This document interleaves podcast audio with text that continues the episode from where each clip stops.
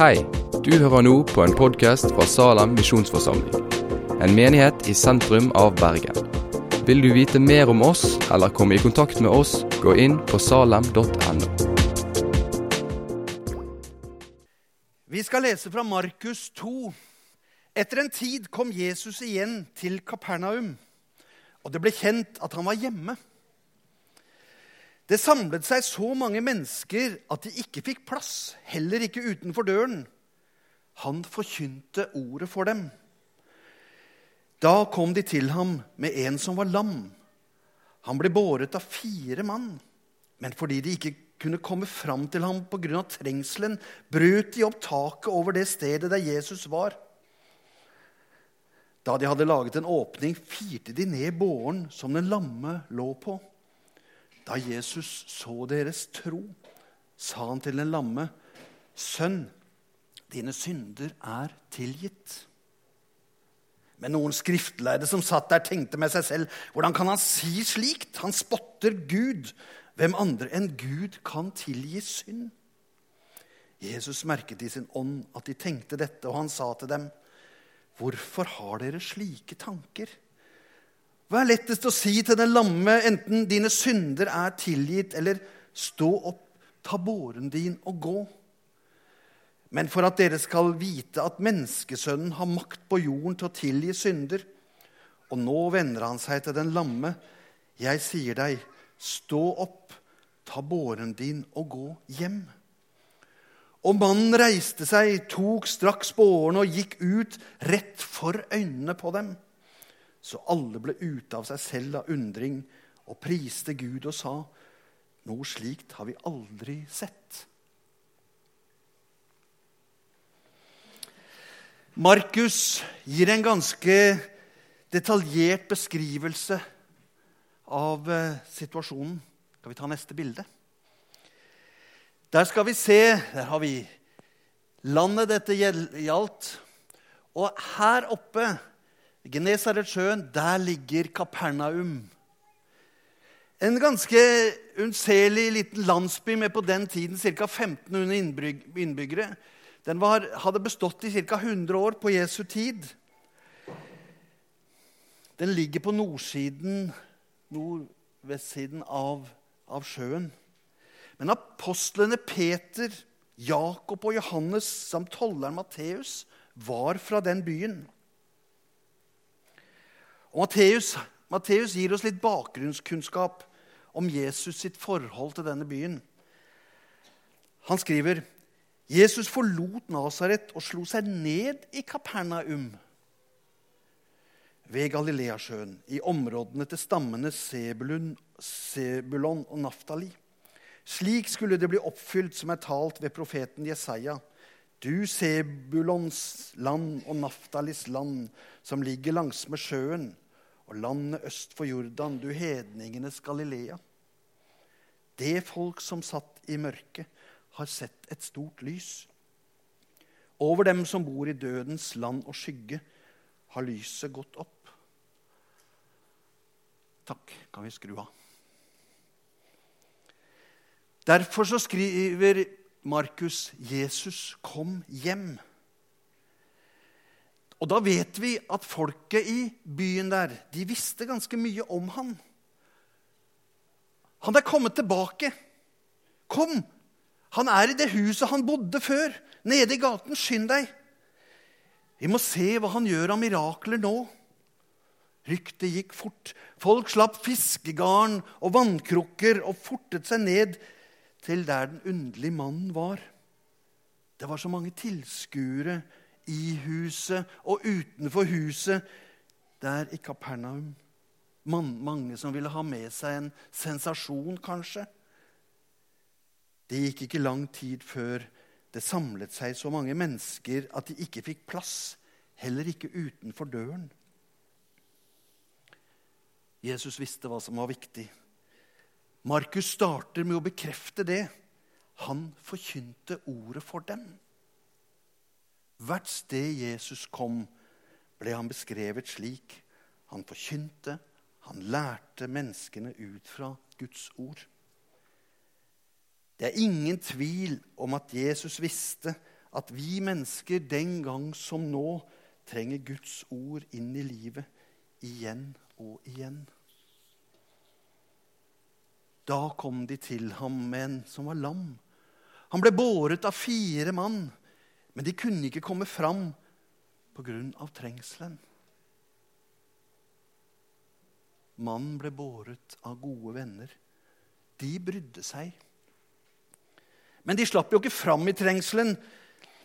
Mengden av mennesker fra samme landsby som hindret den lamme. De kjente han godt. Han som ikke arbeidet, men bare tigget. Det var ikke noe særlig. Med en sånn livshistorie så må jo han eller hans foreldre ha syndet veldig mye. Hvorfor skulle de slippe han gjennom? Slippe han forbi? Det fortjente han da ikke. Ingen ville vike sin plass, alle ville stå og se. Hva skjer av underet? Ja, kunne vel ikke haste sånn? Men fordi de ikke kunne komme fram, så brøt de opp taket over det stedet der Jesus var. Da de hadde laget en åpning, firte de båren ned som den lamme lå på. Mannens venner ville noe mer enn å være tilskuere til mesteren. De ville at deres venn skulle møte mesteren, møtes av mesteren, forandres av mesteren. Vennene var kreative. Det kaller Jesus tro. Tro er å ikke gi seg før Jesus har møtt oss. Tro er å kjempe for nærhet med mesteren, også når det får konsekvenser. Selv om taket må rives, selv om vi blir skitne og hoster støv. Tro er å handle og satse på at Jesus er løsningen. Tilgiveren, forsoneren, helbrederen. Også for deg og dine venner. Troen var her veldig praktisk. De brøt opp taket og firte mannen ned, og Jesus bekrefter det er tro. Markus beskriver det nøkternt. De kunne ikke komme fram, sier han, så de gikk opp på taket, og så brøyt de opp og firte han ned. Det høres jo så enkelt ut. Det er liksom som om ingen i huset skulle merke det. da. Vet dere hva dette taket bestod av? lette tømmerstokker, strå og leire. Knusktørr leire. Hva skjer når vi begynner å røre ved knusktørr leire? Da er det noen som får det i huet. Og ned inn i pusten. Den fylte rommet overalt. For noen år siden, der jeg bodde for, før, der reiv vi ned taket i kjelleren. Og vet du hva isolasjonen besto av leire? Noen dager etterpå så sa naboen jeg måtte vaske tøyet på nytt. Det som hang ute i hagen. Det var så støvete plutselig. Naboskapet holdt. Jeg ba om unnskyldning, og hun tilga. Men det er ikke sikkert at eieren i Kapernaum eller alle gjestene der var så innmari blide over mennenes kreativitet. Men mennene prioriterte vår venn først. Han måtte få møte mesteren, helbrederen, håpet. Er du og jeg sånne venner? Som vet hva våre venner trenger, og er villige til å satse mye på å gi dem et bedre liv? Bryr vi oss nok til å være kreative, aktivt støtte våre venner? Hva vet vi om den lamme? Vi vet at han var lam. Vi vet at han ikke kunne bruke beina. Kanskje ikke andre kroppsdeler heller, men det vet vi ikke. Hvor lenge han har ligget på båren, det vet vi ikke. Men antagelig lenge. Kanskje mange år, kanskje hele livet. Og hva hadde han tenkt da i disse årene?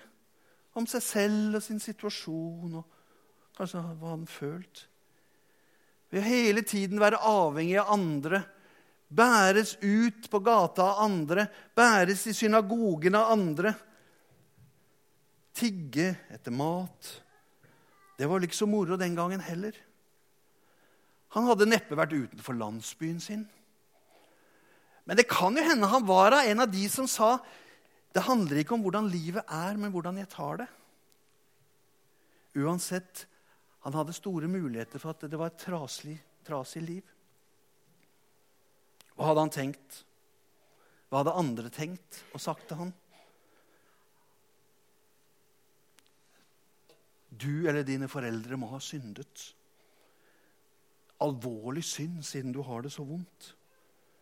Jeg syns jeg hører denne fordømmelsen. Uten håp om bedring lå han der. Noen som har hørt om noe sånt? At mennesker kan, kan føle seg låst i sin situasjon. Kanskje opplevd at seg fastsått, fastlåst i livet. I en omstendighet, i en plage, en sykdom, en realitet. Antagelig. Jeg er ikke god nok. Jeg er låst fast. Daglig så samtaler jeg med mennesker som sliter med nettopp det. De opplever at livet er låst. Daglig ber jeg bønnen La meg få bringe håp, nytenkning og nyskapning. Da Jesus så deres tro, sa han til den lamme, Sønn, dine synder er tilgitt. Var ikke det rart? Vennene og kanskje mannen sjøl hadde en forventning om helbredelse. Å få ham på beina igjen. Skal det ikke skje et under her? da? Skal vi ikke se noe? Og så sier denne helbrederen bare, 'Sønn, dine synder er tilgitt.' For en nedtur, for en nysgjerrig gjeng. De hadde forventet et mirakel.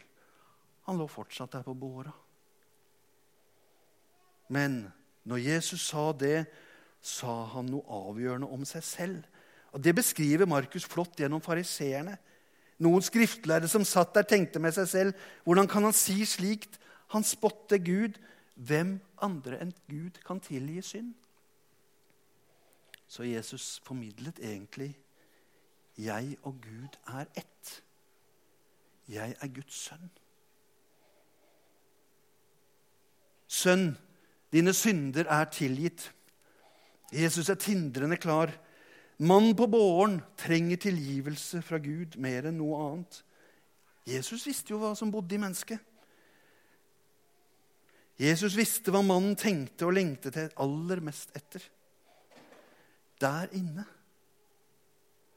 hvor livet går ut fra. Jesus visste hva som plaget mannen aller mest, som hadde plaget han så lenge. Godt påminnet av alle disse menneskene rundt. Du er en synder. Du har gjort feil. Du er feil. Skam deg. Jesus visste hva mannens dypeste lengsel og behov var. Gjør meg fri fra min anklage fra Gud, meg selv og andre. Jesus kjente mannens innerste lengsel og handlet på den, som kun Jesus Kristus kan.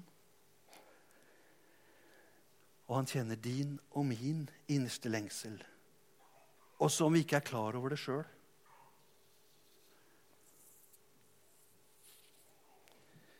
Tilgivelse er å gi fra meg retten til å ta igjen når jeg selv eller andre har gjort meg vondt, gjort meg urett. Ikke ta igjen, verken i tanker, følelser eller handlinger. Det gir frihet. Slik gjør Gud. Og slik er det Gud ønsker vi skal være mot oss selv og hverandre. Slik skal livet leves, med stadig å gi fra oss anklagene, bebreidelsene mot oss selv og andre. Det gjør oss fri fra fordømmelsen av oss selv. Det gir frihet og sunnhet. Så lenge jeg tidde, sier David, så lenge fordømte jeg meg selv, så lenge tærtes min kropp og sinn opp. Du har kanskje hørt om at for hjertet vårt så er det ikke bra å ha for høyt kolesterol, og det er smart å trene. Men du har kanskje ikke hørt om at kanskje det aller farligste for å få hjertesykdom er manglende tilgivelse og mye bitterhet. Det viser en del ny forskning.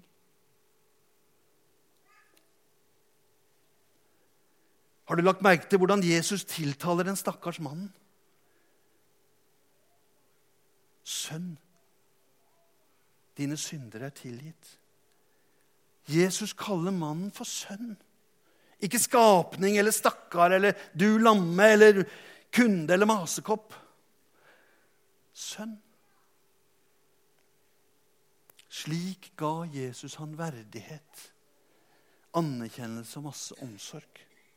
For sønn betyr 'vi to er nær'. Jeg anerkjenner deg. Jeg elsker deg, jeg vil deg vel. Du betyr så mye for meg. I dag, dere, så er det ikke så mange lamme på en båre. Men vel likevel veldig vanlig å oppleve seg lammet. Jeg har vært der. Jeg har ligget på den båren slått ut av livets omstendigheter og krav påført både av meg sjøl og andre, med behov for Jesu ord og handling. Kanskje du har vært på båren? Eller eh, er der nå? Det er så mange lammelser. I dag så hadde ikke Jesus hatt så mange kroppslige lammelser å helbrede, men veldig, veldig mange som er såret av utfordrende relasjoner. Relasjonsbrudd, krevende relasjoner, vonde relasjoner, brutte relasjoner. Det er Norges folkesykdom, sammen med depresjon og angst og lite mening, lite håp og selvfordømmelse. Den gangen jeg var skolelege på Danielsen, så når vi skulle slutte, så summerte jeg sammen med helsesøstera opp hva vi egentlig hadde jobba med mest. Og det var tindrende klart. Det var dårlig selvbilde. Negativt selvbilde. Jeg er ikke verdt å elskes, jeg. Hadde de visst hvem jeg var, så hadde ingen villet vært sammen med meg. Det var sykdom nummer én på den gode skolen Danielsen. Så må jeg si noen ord som er vanskelig og som vi kanskje kan ta som et eget tema en gang. Det er om oss som ligger på båren, oss som vi har en gudstro, som ikke erfarer å få ordene 'reis deg og gå'. Hva skal vi tenke og gjøre? Hva gjør vi når vår erfaring ikke stemmer med det vi har lært av Gud? Lært om Gud? Da kan vi velge å benekte eller undertrykke erfaringen. Og Den letteste måten å gjøre det på er å si Gud har nok en mening med det. Det er nok noe som ligger bak. Kan hende det, men ikke alltid, tror jeg. Eller kanskje er Gud litt annerledes enn det du har trodd. Kanskje er det noe som er viktigere for Gud enn at alt i livet mitt skal være greit. Gud har aldri lovet at alt i livet skal være greit. Gud har aldri sagt 'jeg tar deg rundt smerten, rundt elva, rundt ørkenen'. Jeg er din Gud og din far gjennom dette, sier Gud. Slik, og antagelig kun slik, kan vi virkelig erfare og lære at Gud vil være vår nære far. Når vi går sammen gjennom ørkenen. Når vi ligger sammen på båren. Jobb erfarte mye smerte. Og han hadde de vanlige reaksjonene på å ha det vondt.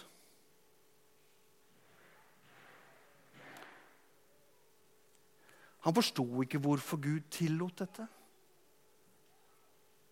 Inntil han på et tidspunkt uttalte Før hadde jeg bare hørt om deg, Gud.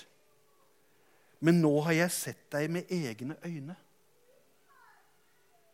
Før hadde jeg bare hørt om deg, men nå har jeg sett deg. det var etter han hadde vært gjennom all smerten.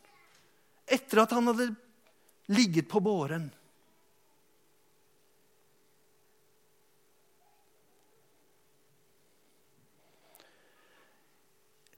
Ikke så lenge før hendelsen vi leste om i Kapernaum og den lamme, så var Jesus i Nasaret. Der sa han noe viktig som henger nøye sammen med det han etterpå gjennomførte med mannen på båren. Han kom også til Nasaret, står det i Lukas 4, hvor han var vokst opp, og på sabbaten gikk han inn i synagogen som han pleide. Da han reiste seg for å lese av Skriften, rakte de ham profeten Jesaja bok.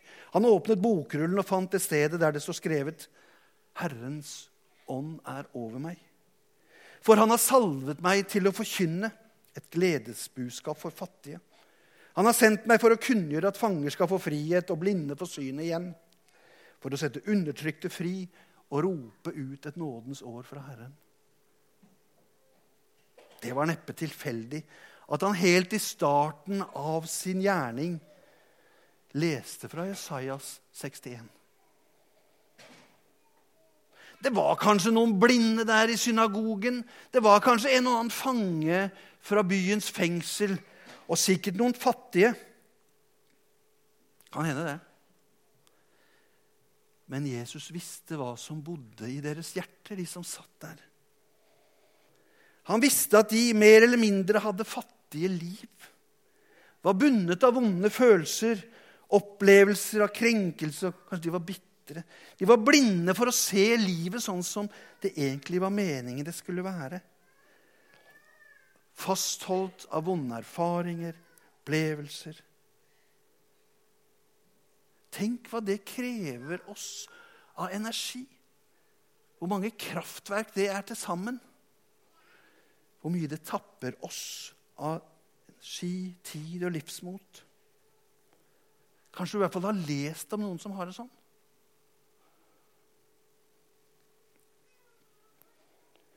så avslutter mesteren med å si I dag er dette skriftord blitt oppfylt mens dere hørte det. Herren pekte på den eneste som virkelig kan sette mennesker fri til å leve det beste livet. Og det stadfester han like etterpå i Kapernaum med den lamme. Min sønn,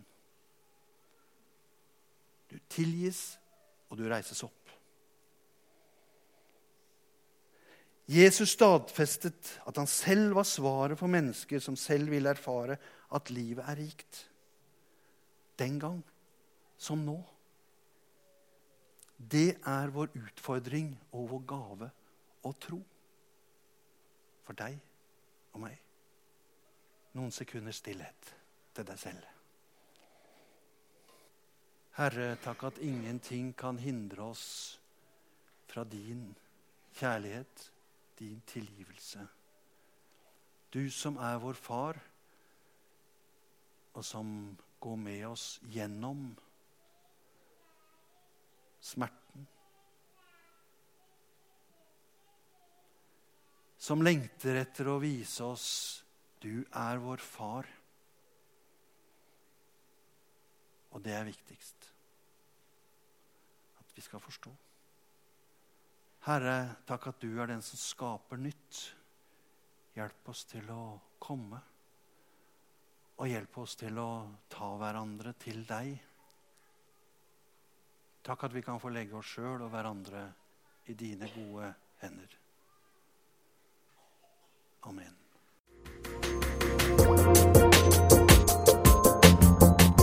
Takk for at du har hørt på podkasten fra Salem, Bergen. I Salem vil vi vokse i et stadig dypere fellesskap med Gud og med hverandre. Vi vil være Jesu hender og føtter, og vi vil være med å forkynne frelse for Bergen og resten av verden. Besøk oss gjerne på salam.no om du vil vite mer.